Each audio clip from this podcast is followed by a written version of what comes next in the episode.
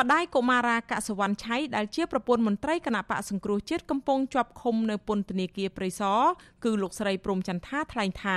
សមត្ថកិច្ចជាង20នាក់បានចូលទៅចាប់កូនប្រុសលោកស្រីដល់ក្នុងផ្ទះទាំងយប់ដោយមិនប្រាប់មូលហេតុនិងមិនបង្ហាញដីកាពីតុលាការឡើយ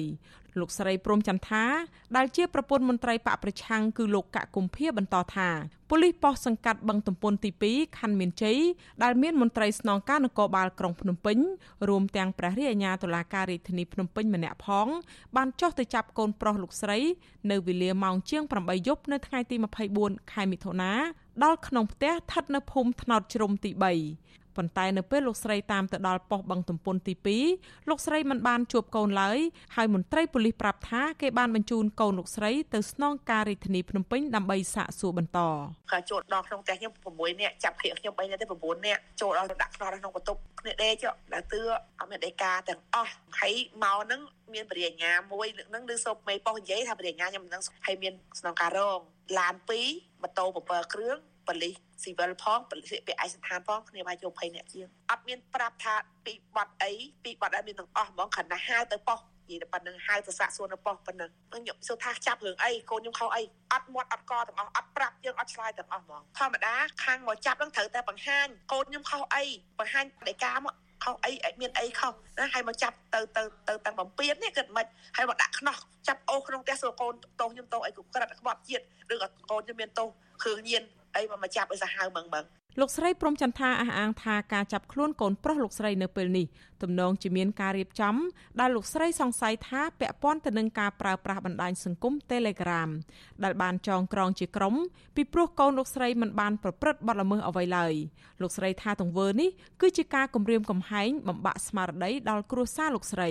ចាប់កូនខ្ញុំនឹងគឺតាក់តងនឹងគម្រាមកំហែងមកលើរូបខ្ញុំផងនិងបំបងចង់បាក់ស្មារតីខ្ញុំផងនិងក្រុមគ្រួសារខ្ញុំនិងកូនខ្ញុំតែម្ដងនិយាយរួមទៅកូនខ្ញុំវាក្មេងបើសិនជាគាត់មានលើសលួសអីតិចតួចធម្មតាក្មេងវាមានជំងឺចឹងផងហើយចាប់ឪពុកដាក់គុកហើយធ្វើបាបមកលើម្ដាយគេទៀតគាត់ឈឺចាប់ហើយគាត់ចាប់គាត់ម្ដងហើយគប់គាត់អាយះក្បាល20ធ្នេហើយធម្មតាគាត់ឈឺចាប់គាត់តែងតែមានការនិយាយស្ដីខ្លះហើយឈឺចាប់ហើយដូចថាបើថាតាម Telegram ក៏គាត់មានការនិយាយខ្លះដែរព្រោះធម្មតាជាឪពុកគាត់សិតតែឧទានសិតតែក្បត់ជាតិ សិតតែអីចឹងគាត់ធម្មតាគាត់ខឹងគាត់ចេះទេហើយអ្នកដែលចូលមកលួងលោមកូនខ្ញុំជេហ្នឹងគាត់ក៏ដឹងដែរថាកូនខ្ញុំមានជំងឺអីជំងឺអីហើយខេតអីបានគាត់ចូលមកក្នុងក្រុមឬក៏ក្នុងទូរស័ព្ទកូនខ្ញុំចូលមកឲ្យកូនខ្ញុំជេចូលមកពាក់ព័ន្ធអីទៀតពួកពួកនេះសិតតែគាត់ដឹងហើយលើកហើយប៉ុន្តែគាត់ចង់ធ្វើបាបក្រុមគ្រួសារខ្ញុំហ្មងខ្ញុំគិតថាគេរៀបចំឲ្យចូលតាក់គេវត្ថុអសីសេរីមិនអាចតាក់ទងស្នងការនគរបាលរាជធានីភ្នំពេញលោកសថេត និងអ្នកនាំពាក្យស្នងការដ្ឋាននគរបាលរាជធានីភ្នំពេញលោកសានសុកសីហាដើម្បីសាកសួរបន្ថែមបានទេជុំវិញរឿងនេះនៅយប់ថ្ងៃទី24ខែមិថុនា អ្នកនាំពាក្យសមាគមការពារសិទ្ធិមនុស្សអាត់ហុកលោកសឹងសែនករណាយល់ថាតាមការអាងរបស់គ្រួសារដែលសមត្ថកិច្ចដាក់កម្លាំងច្រើនលើសលប់ក្នុងពេលចាប់ខ្លួនកុមារាកសវណ្ណឆៃដោយមិនបញ្ជាក់ប្រាប់មូលហេតុដល់គ្រួសារគឺជារឿងមិនត្រឹមត្រូវតាមច្បាប់ឡើយលោកថាមានហេតុផលមួយចំនួនដែលសមត្ថកិច្ចគួរតែដោះលែងកុមារារូបនេះ។ សុវណ្ណឆៃនេះធ្លាប់បានសមត្ថកិច្ចចាប់ខ្លួនម្ដងហើយហើយក៏ដឹងថាកុមារនេះគឺមានស្មារតីវិបលាស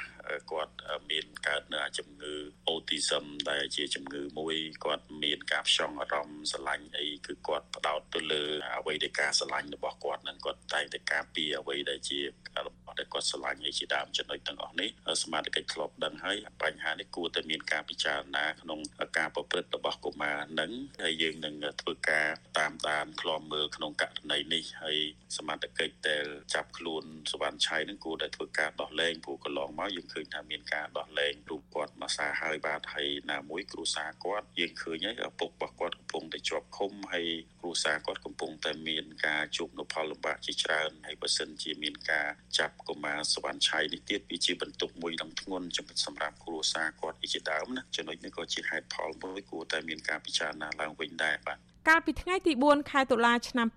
2020កុមារាកសវណ្ណឆៃដែលបច្ចុប្បន្នអាយុ16ឆ្នាំត្រូវបានប៉ូលីសសង្កាត់ចាក់អង្រែលើប្រើអំពើហិង្សាលើរាងកាយនៅក្នុងពេលចាប់ខ្លួនរូបគេ ដែលជាប់ពាក់ព័ន្ធថា